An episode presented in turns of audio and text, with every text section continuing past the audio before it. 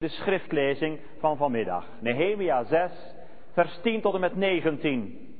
Het thema van de prediking, u zou dat ook hebben kunnen bedenken natuurlijk. Nehemia opnieuw in de vuurproef. Drie aandachtspunten. Ten eerste de verleiding van binnenuit, vers 10. Ten tweede de valse profetie doorzien, 11 tot en, en met 13. En ten derde de muur van Jeruzalem wordt voltooid. Vers 14 tot en met 19. Op, Nehemia opnieuw in de vuurproef. De verleiding van binnen, van binnenuit. De valse profetie. De muur van Jeruzalem wordt voltooid. Jongens en meisjes, zouden jullie niet bang zijn van een leeuw? Niet in de dierentuin, achter veilige tralies, maar als die zomaar rondliep, los rondliep. En als hij dan zijn grote bek open doet en recht op je afkomt, dan moet je er niet aan denken. Een leeuw. Met zijn bek al open en jij daar zomaar vlakbij. Wat zou je doen? Nou zeg ik, ik zou heel hard weglopen natuurlijk. Goed, zou ik ook doen. Maar je kunt nog iets doen. Bidden. Alleen dan moet je dat wel met lopen doen. Moet je horen. Die twee dingen, heel hard weglopen en bidden, dat zijn de twee dingen die Nehemia doet als de duivel op hem afkomt. En de duivel heet in de Bijbel een briesende leeuw. Die mensen aanvalt. Nehemia probeert uit zijn buurt te blijven. En hij bidt tot God. Daar gaan we op letten vanmiddag. Want gemeente, de duivel gaat rond als een briesende leeuw zoekend zijn prooi om die te verslinden. Paulus waarschuwt in Efeze 6 als hij schrijft over de geestelijke wapenrusting tegen de listige omleidingen van de duivel.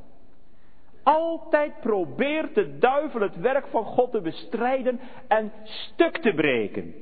De ene keer met grof geschut en door intimidatie. En de andere keer door een stuk verleiding. Het zij van buitenaf, het zij van binnenuit. En het meest richt hij nog zijn aanvallen op Gods dienaren. Op mensen die een bepaalde positie in de kerk of in de gemeente hebben gekregen. Want als hij die kan uitschakelen, dan kan hij het koninkrijk van God de meeste schade berokkenen. Hoe meer invloed een bepaalde leidersfiguur heeft in de kerk en in de gemeente, des te meer zal die blootstaan aan het gevaar van verleiding. Satan richt zijn pijlen juist op zulke mensen om eerverlies en verwarring teweeg te brengen. Zo worden mensen ontmoedigd. Als het Satan gelukt om een voorganger of een ambtsdrager uit de kerk naar zijpaden of doodlopende wegen weg te lokken, dan zullen daarin heel wat gemeenteleden ook worden meegesleept. Leidersfiguren zoals Nehemia leven als het ware in een goudvissenkom. Van alle kanten kijk je erin. Een glazen huis. Als hun leiderschap wordt bedreigd door schandalen of zo, dan zal dat grote schade teweeg brengen en ontmoediging onder het volk zal er het gevolg van zijn. Petrus waarschuwt niet voor niets de voorgangers om heel beducht te zijn voor de strikken van de duivel. Nou, nu kijken we vanmiddag opnieuw naar Nehemia.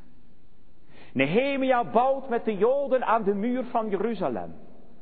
Nog even en de muur is klaar. En als dan de poorten erin gehangen worden, dan zal Jeruzalem een gesloten stad zijn, een verdedigbare stad. En dat is natuurlijk voor de vijand van Juda een doorn in het oog.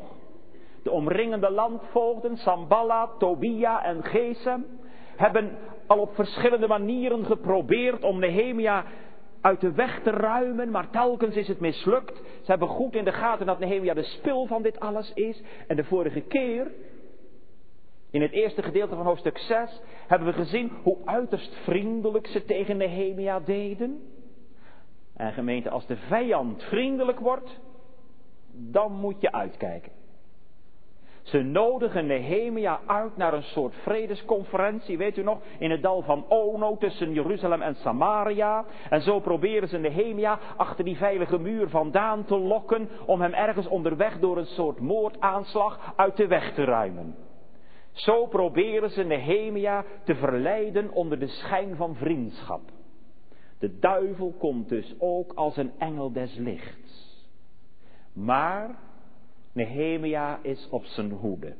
Vastberaden weigert hij om op hun verzoek in te gaan. En zijn argument is ijzersterk. Weet u nog, hij zegt ik heb een groot werk te doen. Ik heb nu geen tijd. De voltooiing van de muur gaat voor. Nehemia blijft standvastig. Ook als de vijand tot vier keer toe met dezelfde vraag bij hem komt. En als de vijand begrijpt dat Nehemia niet van plan is om de muur en het werk aan de muur van Jeruzalem te verlaten, dan proberen ze een andere tactiek om hem toch maar buiten die muur te krijgen. Ze sturen een open brief met allerlei lastelijke argumenten. Als zou Nehemia tegen de koning opstaan en als de koning dat zou horen, dan wordt zijn positie daardoor verzwakt. Een open brief met beschuldigingen aan het adres van Nehemia. Een brief die overal in het openbaar werd voorgelezen. En zo wordt met deze bezwarende laster de, de geadresseerde heel sterk onder druk gezet. Nou, we hebben gezien, Nehemia liet zich ook daardoor niet van de wijs brengen. Hij vertrouwt op God en hij ontkent alle beschuldigingen. Hij zegt, het zijn allemaal kletspraatjes, jullie hebben het maar een beetje uit je duim gezogen. Ik kom niet naar die conferentie van jullie toe, ik blijf aan het werk voor Jeruzalem. Paulus zegt in het Nieuwe Testament, wedersta de duivel en hij zal van u vlieden. Dat brengt Nehemia in praktijk. Maar hij doet nog iets. Hij bidt. Midden in de beproeving bidt hij om sterkte en kracht. Dat was het slot. Vers 9b. Nu dan, heren, sterk mijn handen. Zo alleen kan hij de laster negeren en in het werk volharden. Wat heerlijk als je zo je kracht bij de Heere zoekt te midden van al je eigen krachteloosheid. Niet verslappen, de handen niet in de schoot leggen. Heere, sterk mijn handen. Want het gaat om uw eer. Het gaat om uw stad. Het gaat om uw zaak.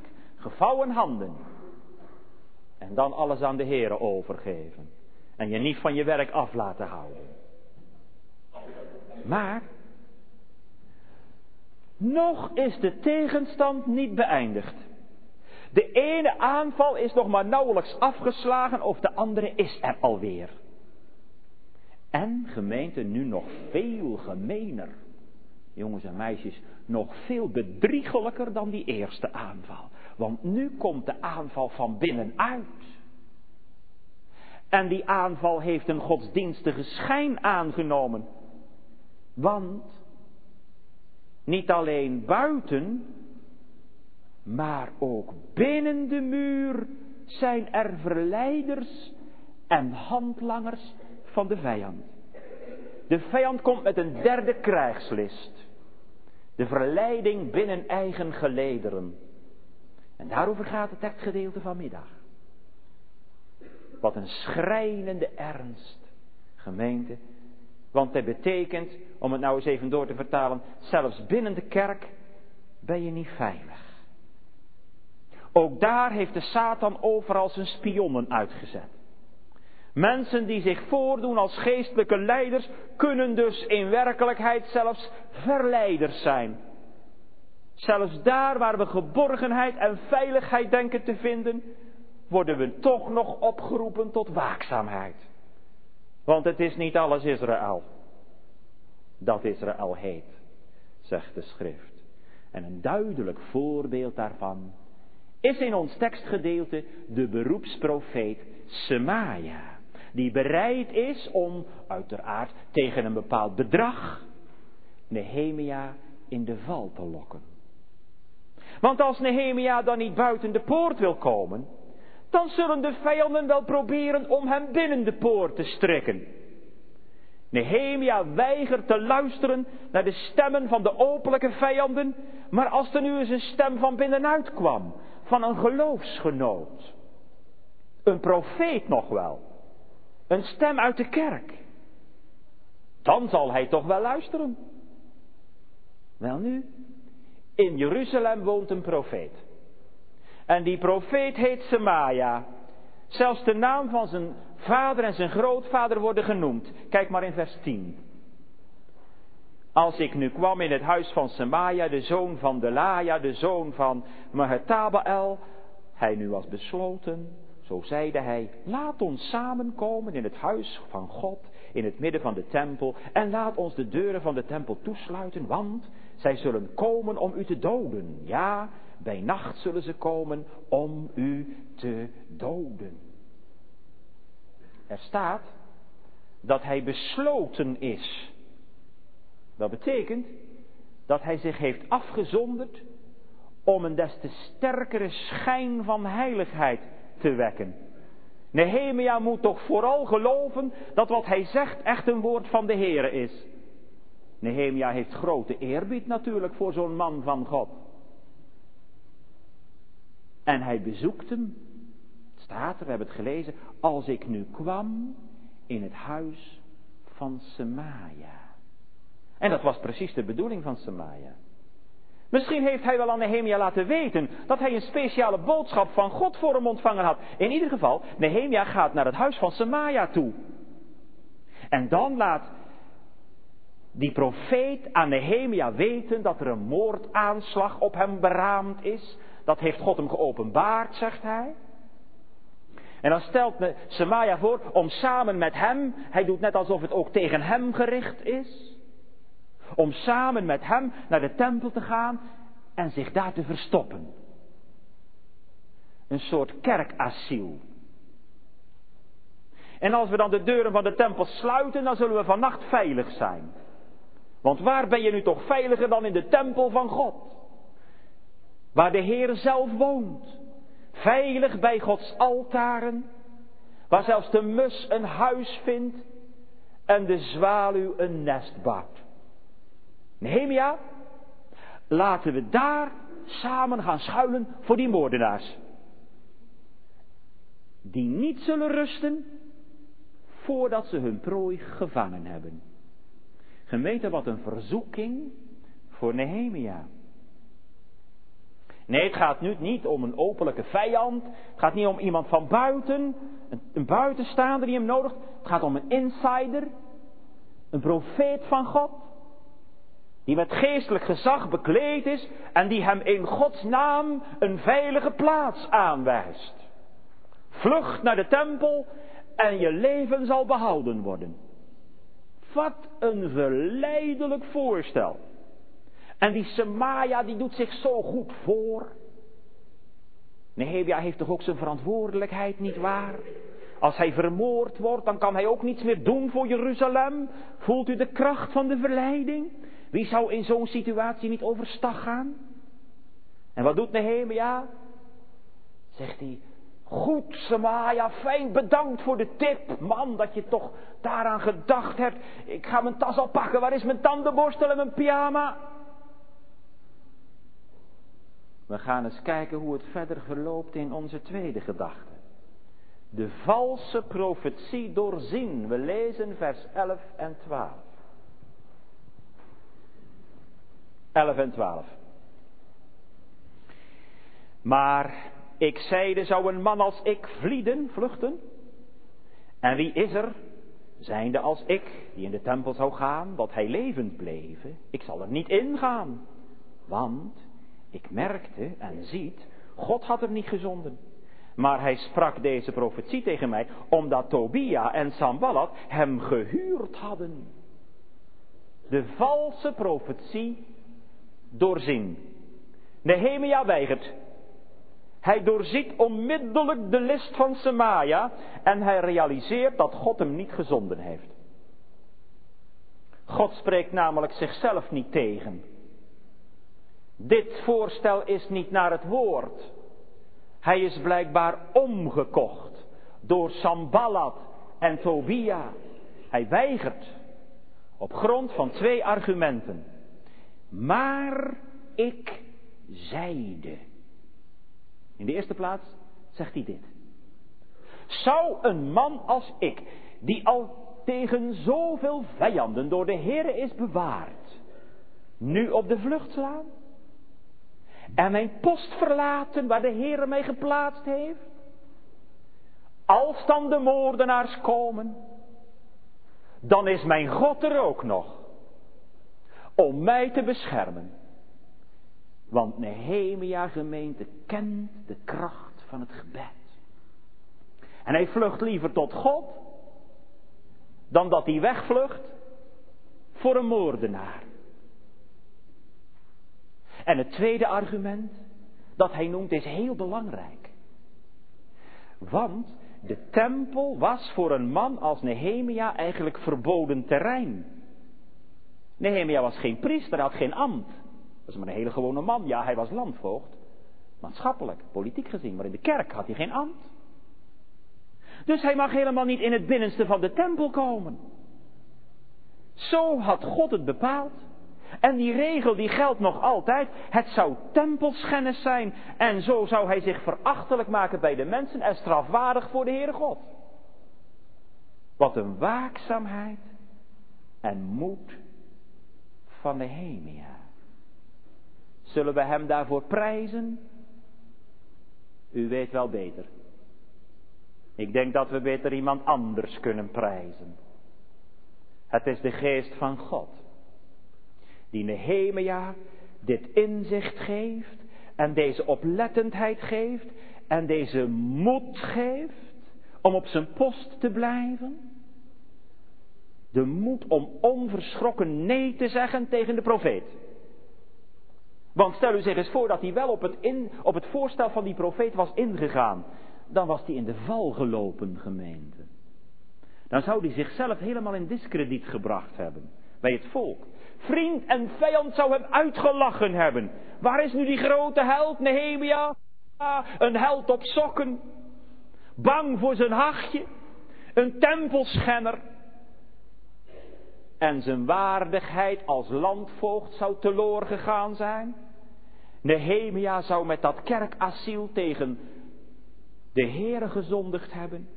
Hij zou God niet meer vertrouwd hebben zoals hij vanaf het begin dat wel heeft gedaan. En gezegd, de God van de hemel, die zal het ons doen gelukken. En wij zijn knechten zullen ons opmaken en bouwen. Samengevat gemeente, als hij op dat voorstel was ingegaan, dan zou het met zijn leiderschap gebeurd zijn en dan zou het ook met de tempelbouw gebeurd zijn. Maar, zeg maar gerust, God bewaarde zijn knecht Nehemia. Gemeente, als je dicht bij God leeft, biddend en dienend, dan word je bewaard voor zoveel dwaasheid van vallen in de zonde.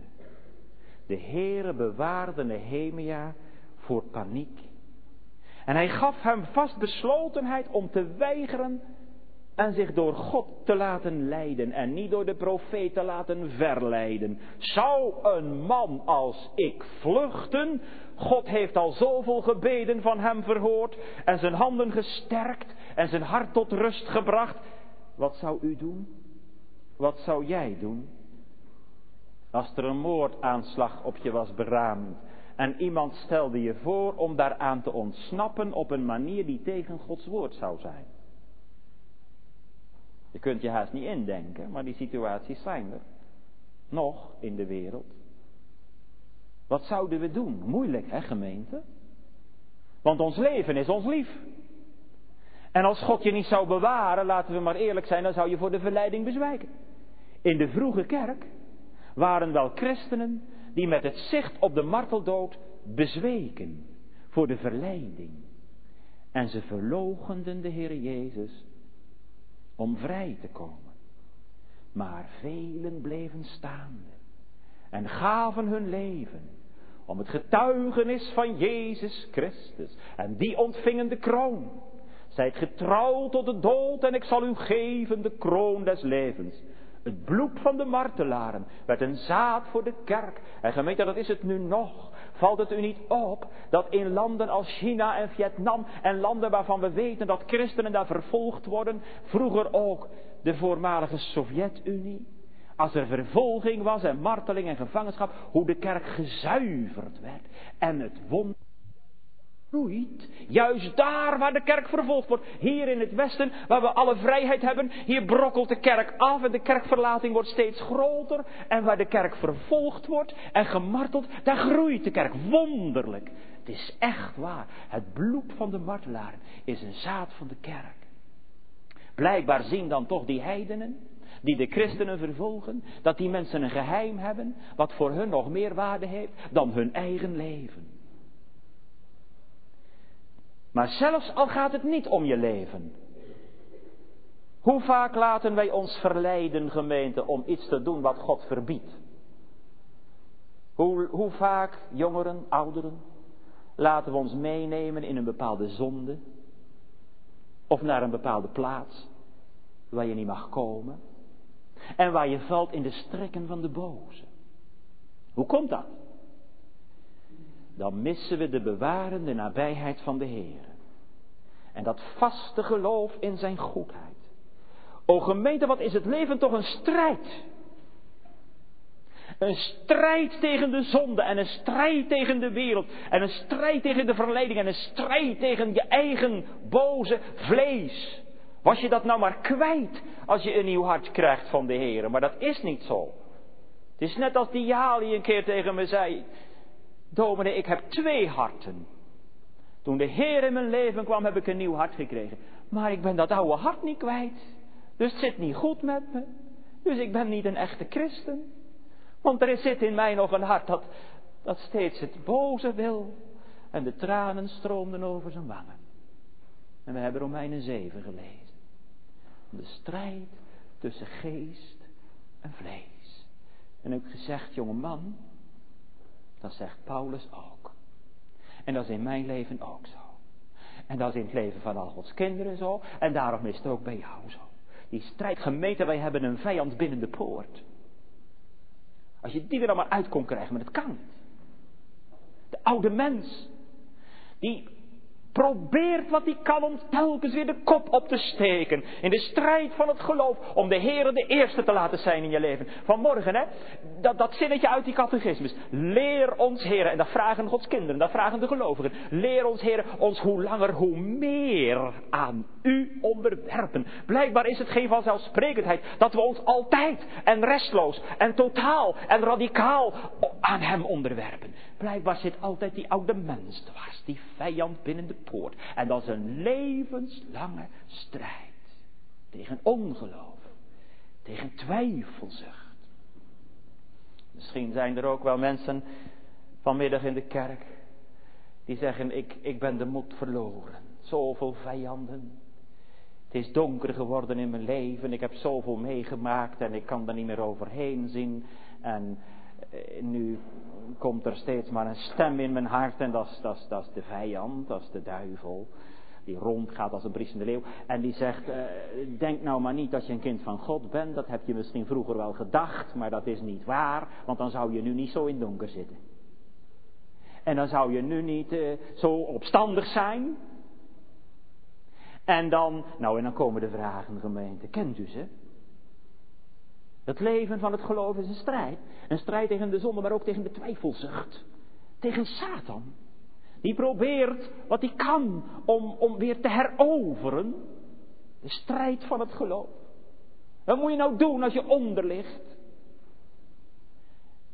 En als je het niet meer ziet. En als je zegt, ik voel het helemaal niet meer. Misschien wat moe, vermoeid, tegenslag.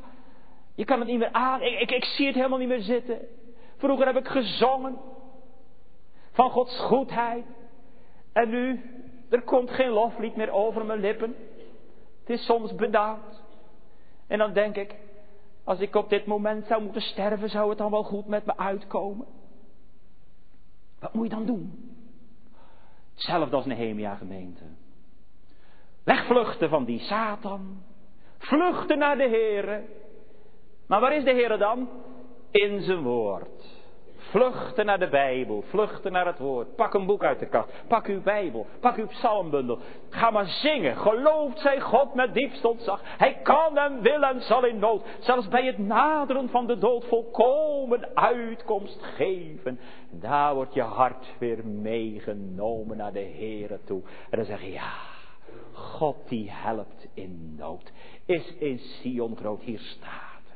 Vluchten naar de Here toe de enige weg. Niet blijven zitten ronddraaien in jezelf. Niet toegeven aan Satan en zeggen, ja het is waar ook, het is helemaal niks met mij. En, en je gaat steeds dieper de put in. Vlucht naar de Heer. Zeg, Heer, ik ben het kwijt. Heer, ik zit niet meer zitten. Heer, het is donker in mijn leven. Maar ik kan u niet loslaten, Heer. Want ik weet, bij u is het licht en het leven. Gij zijt de levensbron. En uw licht doet klaarder dan de zon ons het heugelijk licht aanschouwen. O God, geef een lichtstraal in mijn ziel. Heere, help, kniel maar. En bid maar. En worstel maar. Want de Heere laat geen bidder staan. Vijanden van binnenuit. Vijanden binnen de poort. Wie de Heere vreest, die weet ervan. Nee, het gaat allemaal niet vanzelf. Het leven is een strijd. Zegt de Bijbel het niet? Strijd. De goede strijd des geloofs. Uiteindelijk gemeente helpt maar één ding en dat is dit. Het zicht op de Heer Jezus. Maar die, die, die, die laat zich zien in de Bijbel, dus je moet wel de middelen gebruiken. Het zicht op de Heer Jezus. De overste leidsman en de voleinder van het geloof. Alleen dat kan ons bewaren tegen die gemene aanvallen van de vorst der duisternis. Hoe is de duivel ook op de Heer Jezus afgekomen? In de woestijn. En onder zo'n vrome schijn met allerlei bijbelteksten in zijn hand. Spring maar van de tempel, dan zullen de engelen u wel dragen. Maar de Heer Jezus bleef gehoorzaam aan het woord van zijn God. En hij grijpt ook terug. Wat doet hij in die strijd? Wat doet hij onder die aanvallen? Hij zegt, er staat geschreven, Satan. Hier staat het in mijn Bijbel. En dat woord van God, dat is eeuwig waar. Christus heeft de goede weg vastgehouden. Zich aan het woord van zijn vader vastgeklemd. En in die weg heeft hij het verdiend om als die grote profeet en leraar der gerechtigheid door zijn geest al zijn kinderen te leiden in de waarheid. En daarom gemeente, jongeren en ouderen, als we zien op alle verleidingen om ons heen en om de listigheid van de Satan en we zien op ons eigen hart, oh dan zeg je waar moet ik de kracht vandaan halen om staande te blijven in de verzoeking. Maar de Bijbel wijst ons de weg. Zie dan op Jezus, de overste leidsman en de voleinder van het geloof. Door alle struikelingen heen brengt Hij zijn kerk de veilige haven binnen van de eeuwige heerlijkheid. Alleen in die heerlijke geloofsverbondenheid met Hem kunnen we staande blijven en vruchten dragen. Nee, vormendienst helpt dan niet. Uitwendige godsdienst helpt ook niet. Alleen de levende Christus en de gemeenschap met Hem. En het zien op Hem. Daar kunnen we het zingen wat Luther zong, weg. Hij die ons geleidt, zal u de vaan doen strijken. Nehemia ontmaskert de valse profetie van Semaia als een middel in de handen van de duivel. Semaia. Notabene ingehuurd om Nehemia in een hinderlaag te lokken. Semaia, een van de valse profeten die we meer tegenkomen in het Oude Testament. Hij profeteert om loon. Telkens weer lezen we in de Bijbel hoe de Heer zijn volk waarschuwt tegen deze lieden. Ze profeteren uit, uit hun eigen hart en naar andermans portemonnee. En ze zeggen, zo spreekt de Heer, terwijl de Heer helemaal niet gesproken heeft. In het Nieuwe Testament worden zulke lieden dwaalleraars genoemd. Waterloze wolken die door de wind omgedreven worden. Of wilde baren van de zee, hun eigen schande opschuimende. Dat is een beeld. En daarom geldt nog steeds het apostolisch vermaan. Beproef de geesten of ze uit God zijn. En wat is dat moeilijk? Vooral door al die geweldige vrome schijn die ze soms kunnen vertonen. Als Satan zich voordoet als een engel des lichts. Nehemia beproeft Semaja en hij komt tot de conclusie dat het niet uit God is. God heeft hem niet gezonden. Hij doorziet hem. Wat Semaja hem vraagt, dat strookt op geen enkele manier met Gods inzettingen. God komt niet in strijd met zichzelf. Het is onmogelijk dat diezelfde God die hem opgedragen heeft om de muur te bouwen, nu opeens zou zeggen: vlucht maar weg. Semaja wordt ontmaskerd als een valse profeet. Hij is een verrader. Hij wil Nehemia ten val brengen en bang maken, tot zonde verleiden, een voorwerp maken van bespotting. Zo lezen we dat in vers 13. Daarom was hij gehuurd, opdat ik zou vrezen en al zo doen en zondigen, opdat zij iets zouden hebben tot een kwade naam, opdat zij mij zouden honen. Daaraan is de valse profetie te herkennen. Ze is strijdig met Gods woord en met zijn inzettingen. Hoe nodig gemeente dat we de geesten beproeven of ze uit God zijn. En dat we voortdurend bidden, Heere maak in uw woord mijn gangen treden vast. Want als het niet is naar uw woord, als ik iets doe of steun op iets wat niet is naar uw woord, dan heeft het geen dageraad. In ootmoedige afhankelijkheid mogen we het van de Heere horen. Ik zal u onderwijzen. En u leren van de weg die gij gaan zult. Ik zal raad geven. Mijn oog zal op u zijn. Gemeente valse profetie is de eeuwen door een grote verleiding voor de kerk geweest. En heeft veel schade berokkend. En naarmate de tijd voortgaat en de eindstreep in zicht komt, wordt de valse profetie steeds krachtiger. Het aantal valse profeten dat van zich laat horen neemt toe en ze verkondigen allemaal dat ze de waarheid hebben.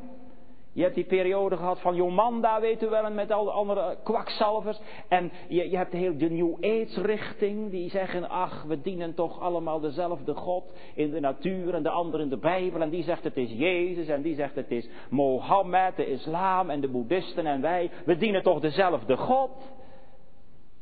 Valse profetie. En wat denkt u van de moderne theologen die de Bijbel degraderen tot een menselijk boek? Zoals gisteravond nog aan de orde kwam. Weet u wel, mensen die zeggen de Bijbel, die is al oud. Dat is een boek van toen, door mensen geschreven hoe ze beleefden hun verhouding met God. Maar ja, dat is nu niet meer relevant, dat, hoort bij die tijd. Wat heb je daar vandaag nog aan? Het is wat, zo'n uitspraak. En dat de meest wezenlijke dingen van het christelijk geloof worden ontkend. De maagdelijke geboorte van Christus en de verzoening door voldoening en de opstanding der doden en de eeuwige heerlijkheid. Wat, moet je dan nog geloven? Wat is dan het fundament? Maar gemeente, als het gaat over valse profetie in het godsdienstige vlak, dan kunnen we natuurlijk ook nog wel wat dichter bij huis blijven. Ook in rechtzinnige kerken is er een theologie opgekomen die de schrift niet meer laat uitspreken en de gereformeerde beleidenis zelfs op bepaalde punten weerspreekt. Wat denkt u van die mening dat je met een bepaalde vormendienst God kan behagen? En dat je daarmee uiteindelijk toch beter bent dan de wereld. En dichter bij God. Dan iemand die daar niet aan meedoet. Weet u wat er zo gebeurt? Zo krijg je bij de natuurlijke mens een soort opstapje vanuit de mens naar God. In plaats van wat de Bijbel zegt in Romeinen 3, daar is niemand rechtvaardig. En daar worden alle mensen over één kam geschoren. Daar is niemand rechtvaardig, ook niet één. En allen zijn ze afgeweken en tezamen zijn ze onnut geworden. Met een onvernieuwd hart kijk je dan uit de hoogte neer op een werelds mens. En je denkt dat je zelf uiteindelijk toch beter bent. Nou, die godsdienst, gemeente, is ijdel. Nog een voorbeeld. Veel mensen achten de kans groot dat ze wedergeboren zijn. En ze hebben een hoop op de eeuwige zaligheid zonder enige kennis van de Heer Jezus Christus, zonder enige overgave aan Hem en geborgen zijn in Hem. Dat is ook valse profetie. Johannes zegt in zijn brief, alleen wie gelooft dat Jezus is de Christus. Die is uit God geboren. En in zijn evangelie zegt hij zo duidelijk, zoveel hem aangenomen, ontvangen hebben, die heeft hij macht gegeven kinderen Gods te worden, namelijk die in zijn naam geloven. Gemeente, daar is geen behoud door de wetenschap dat er een ark is. Dat wisten al die mensen in de tijd van Noach, dat is de ark. Maar er is behoud door in de ark te zijn. En wie buiten de ark is, die komt om in de zondvloed van Gods toorn. Want buiten Jezus is geen leven. Alleen wie in de Zoon gelooft, heeft het eeuwige leven. En die de Zoon ongehoorzaam is, de toorn van God blijft op hem. Weet u wat ook valse profetie is? Dwaalleer. Als je gelooft en leert dat de vergeving van zonden maar voor een enkeling onder Gods kinderen is weggelegd. Dat is in strijd met heel onze christelijke beleidenis en met Gods eigen woord. We hebben het net beleden. Wat gelooft de christelijke kerk? Wat gelooft een christen? Ik geloof in de vergeving der zonden.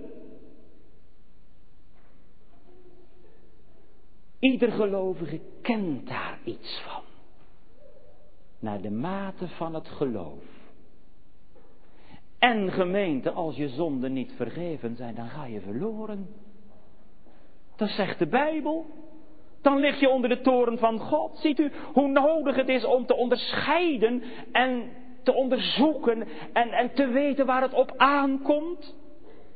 Wat waar is en wat, wat vals is. Beproef de geesten of ze uit God zijn. Als de leer niet overeenkomt met de Bijbel, is het valse profetie. Er zijn ook andere gevaren. Bijvoorbeeld een oppervlakkig verbondsautomatisme.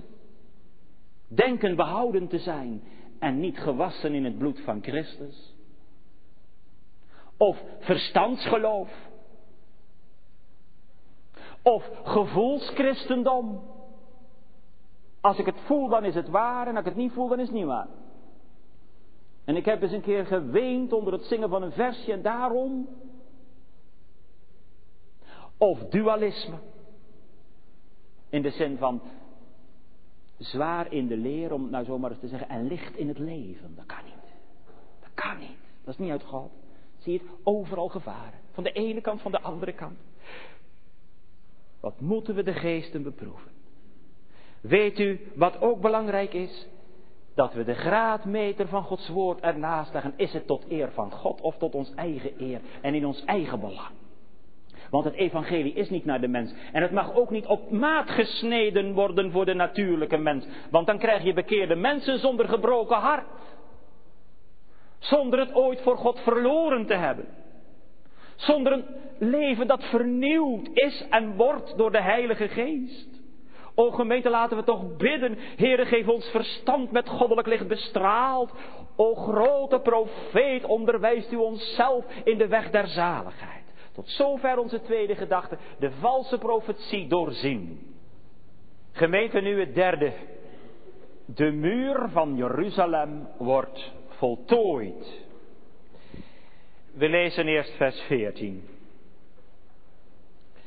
Gedenk, o God, aan Tobia en aan Samballat naar deze zijn woorden. En ook aan de profetes Noatja en aan de andere profeten die mij gezocht hebben vreesachtig te maken. Nadat Nehemia de verleiding van de valse profetie heeft afgeslagen, gaat hij in gebed. Dat is weer tekenend voor die man, hè? de biddende bouwer. Hij vraagt of God wil gedenken aan zijn vijanden. De valse profeten. Heel opmerkelijk dat we dat nu hier lezen. Nehemia bidt. En hij laat ons even een blik slaan in zijn binnenkamer. Zo kennen we hem vanuit al die andere hoofdstukken als de biddende bouwer. Veel last heeft hij ondervonden van de valse profeten. Ze brengen Gods woord niet en daarom zijn ze een gevaar. Ze hebben Nehemia vrees willen aanjagen. En dat is juist het tegendeel van de ware profetie. Want de ware profetie wijst de goede weg. Te midden van angst en gevaar en vijandschap en tegenwerking. Gods woord, dat is het kompas. En Nehemia bewandelt nu die weg die de profeten hem hadden moeten wijzen. Maar dat hebben ze niet gedaan. En nu gaat hij in gebed. Heere, gedenk aan Tobia en aan Sambalat en aan de profetes Noatja. U vraagt zich misschien af, wat is nou de bedoeling van dit gebed? Wel, in de eerste plaats wel, dat deze aanvallen hem niet van zijn taak zullen aftrekken. Maar dat de bouw van de muur mag voortgaan, ondanks alle tegenwerking. Laat nooit de boze vijand toe dat hij ons enig hinder doet. En in de tweede plaats zal Nehemia ook zeker bedoeld hebben. Heren, laat die vijanden en die profeten toch niet doorgaan. Met hun satanische werk, maar brengt u hen tot andere gedachten. Komt u ze tegen. Er staat namelijk, gedenk hen naar deze zijn werken. Bewerk in hun harten dat ze het verkeerde van hun acties zullen inzien. En dat het te vergeefs is om het werk van u te dwarsbomen. Breng ze tot inkeer, tot bekering. Nehemia bidt hier niet om wraak voor deze mensen, die hem zoveel kwaad berokkend hebben. Er klinkt zelfs medelijden in dit gebed door. Wat zijn ze toch dwaas? Wie kan u toch God wederstaan? Dat kan toch niemand? Hun opstelling is toch tot mislukken gedoemd. U staat aan mijn kant, heren. Erbarm u over hen, heren. En nu even de toepassing gemeten naar onszelf toe. Het kwam vorige week uitgebreider ter sprake, dus ik doe dat nu heel kort. Maar kunt u zo bidden voor uw vijanden? Dat is echt een graadmeter voor het geloof. Voor de nabijheid van de Heer. Kunt u echt hartelijk, liefdevol, ernstig bidden voor het behoud van uw vijanden. Voor mensen die je bewust kwaad berokkenen. Want gemeente, als je een echte christen bent, dan kun je dat. Of laat ik het zo zeggen. Dan is dat er een bewijs van dat de Heere koning is in je leven. Dat de liefde van Christus in je hart is. Kort samengevat is de bedoeling van dit gebed. Heere, verstoor de werken van de duivel, zowel binnen als buiten de poort van Jeruzalem. Opdat uw werk zijn voortgang vinden mag. Herdenk de trouw aan ons voorheen betoond. We hebben het net gezongen. Uw koninkrijk komt toch, o Heer. Ai, werp de troon des Satans neer. En het is wel heel opmerkelijk, gemeente, dat we direct na dit gebed lezen over de voltooiing van de muur in vers 15. De muur nu werd volbracht. Op de 25ste van Elul in 52 dagen. Nou, dat is toch wel een wonder. Na ruim zeven weken staat daar een brede muur om Jeruzalem heen. Nog geen twee maanden geleden was het een troosteloze ruïne. En nu omringt een veilige muur de stad van God. Iedere voorbijganger en iedere inwoner wordt met verwondering vervuld. Vlak voor de grote feestmaand is het werk aan de muur voltooid.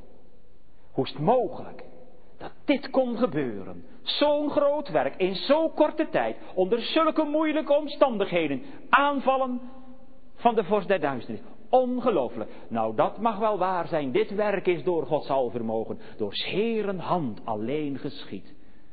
Het is een wonder in onze ogen, we zien het maar doorgronden het niet. Zelfs de vijanden staat er in dat slot van dit hoofdstuk. Zelfs de vijanden zijn diep onder de indruk van dit grootse werk. Dat ze op allerlei manieren geprobeerd hebben om te verhinderen. Maar het is ze niet gelukt. Gemeente tegen God kun je nooit op. Je kunt je doodvechten hoor. Maar je kunt nooit tegen hem op. En daarom kun je maar beter je gewonnen geven. En nu buigen voor deze God. Het is ze niet gelukt. Dat moeten ze knarsetandend erkennen. Ze hebben het verloren, de vijanden. De omwonende volken zijn bevreesd. Maar diepe indruk, daar hadden ze nooit op gerekend. Dat dit toch mogelijk was. Ze hadden Jeruzalem en Juda Juda al lang afgeschreven. Een handjevol aanmächtige Joden hebben ze eens een keer spottend gezegd. Maar nu moeten ze toegeven dat het Israëls God is die dit heeft gedaan. Want vers 16b zegt, ze merkten dat dit werk van onze God gedaan was. Die God, die de God van Israël is. De Allerhoogste, de koning, die een pad maakte in de Rode Zee om zijn volk te bevrijden. Die de muren van Jericho deed vallen en die David sterkte om Jebus in te nemen. Die God heeft dit werk mogelijk gemaakt. Daar zit Gods hulp achter, Gods kracht achter. Zeker, er is hard gewerkt. En Nehemia was een energieke bouwer, dat is allemaal waar. En een bekwaam leider. Maar het doorslaggevende is geweest de zegen van de Heer. Want zonder God is het vergeefs op het bouwen toegelegd. Hij gaf lust en kracht en onverschrokkenheid en doorzettingsvermogen. Zelfs de heidenen hieven aan, God heeft bij ons wat groots gedaan. Dat vervult met eerbied en diep ontzag. Je kunt God niet narekenen. Je staat altijd weer verbaasd. Eerst hadden de vijanden geprobeerd om het volk schrik aan te jagen en nu zijn ze zelf bevreesd. Zo komen ze onder het beslag van Gods majesteit, die in dit alles openbaar komt. Uiteindelijk moeten ze God de eer geven. Ja, dat kan gebeuren, gemeente dat zelfs de wereld moet erkennen dat God met zijn volk is. Maakt natuurlijk wel groot verschil hoe ze dat erkennen. Rahab erkende het ook, maar die viel de God van Israël toe. En dat werd haar behoud. Die heidenen hier, in onze tekst, blijven zichzelf. Want we lezen aan het eind van het hoofdstuk dat Tobia niet ophoudt om Nehemia vrees aan te jagen. Die brieven van Tobia liegen er niet om. Maar Nehemia is rustig doorgegaan met zijn werk. Die notitie aan het slot tekent echter heel duidelijk de situatie waarin Nehemia moet werken. In veel strijd en tegenkanting, verzet en laster. Maar hij is er doorgekomen. Zonder strijd geen overwinning. En als Nehemia dan zo achteraf zijn memoires vertelt over de voltooiing van de muur, dan blikt hij nog even terug op al die ondervonden moeilijkheden van de kant van de vijand.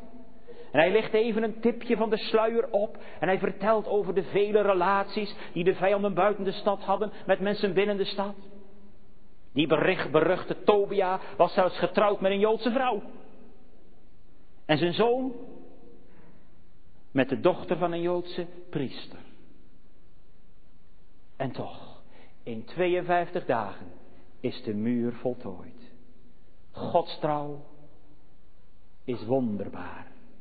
Zijn grote heilsplan kan niet mislukken. De stad en de tempel moesten er zijn.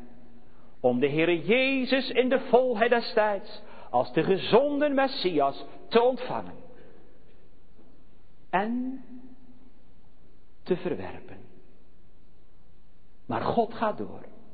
En hij bouwt zijn gemeente, omdat eenmaal het nieuwe Jeruzalem zal neerdalen. Uit de hemel, toebereid als een bruid, voor haar man versierd. God is getrouw. Zijn plannen falen niet. Eenmaal heeft Nehemia toen hij de eerste keer in de vuurproef zat gebeden, de God van de hemel, die zal het ons doen gelukken. En dat vertrouwen op de Heer is niet beschaamd. Gemeente, hoe moeilijk uw situatie ook is, in uw gezin, waar je toch ook aan het bouwen bent? Op je werk, in de kerk. Hoe moeilijk je situatie ook is, wie op God vertrouwt, wordt toch niet beschaamd. Wie zich verlaat op Gods woord, komt niet bedrogen uit. Er zou van, alle er zou van onze kant alle reden voor zijn, want wij zijn helaas vaak ontrouw. Maar hij blijft getrouw aan zijn woord. Hij gaf zijn zoon ervoor over, zijn enige die hij liefhad. Die de poort van Jeruzalem eenmaal werd uitgeworpen. En buiten de muur van Jeruzalem gehangen aan het vloekhout des kruises. En van God verlaten. Maar in hem zijn al Gods beloften ja en amen. En om zijnentwil wordt onze verwachting van de Heere niet beschaamd. Vlucht maar tot de Heer met je harde hart en met je ongeloof en met je duisternis en met alles wat je hindert. En zeg maar, Heere, u beschaamt niet allen die op u hopen. En dat komt door die ene, die wel beschaamd is. Toen hij zijn hoop op God wilde stellen in de meest donkere uren van zijn leven toen hij van God verlaten is. Gemeente, wat vindt u van deze Jezus? Die zijn armen uitstrekte aan het kruis. Om het huis van God, de gemeente van God te bouwen. Die zich kronen liet met dorens om de, om de kroon der overwinning te behalen. Die onderging in de nacht van Golgotha.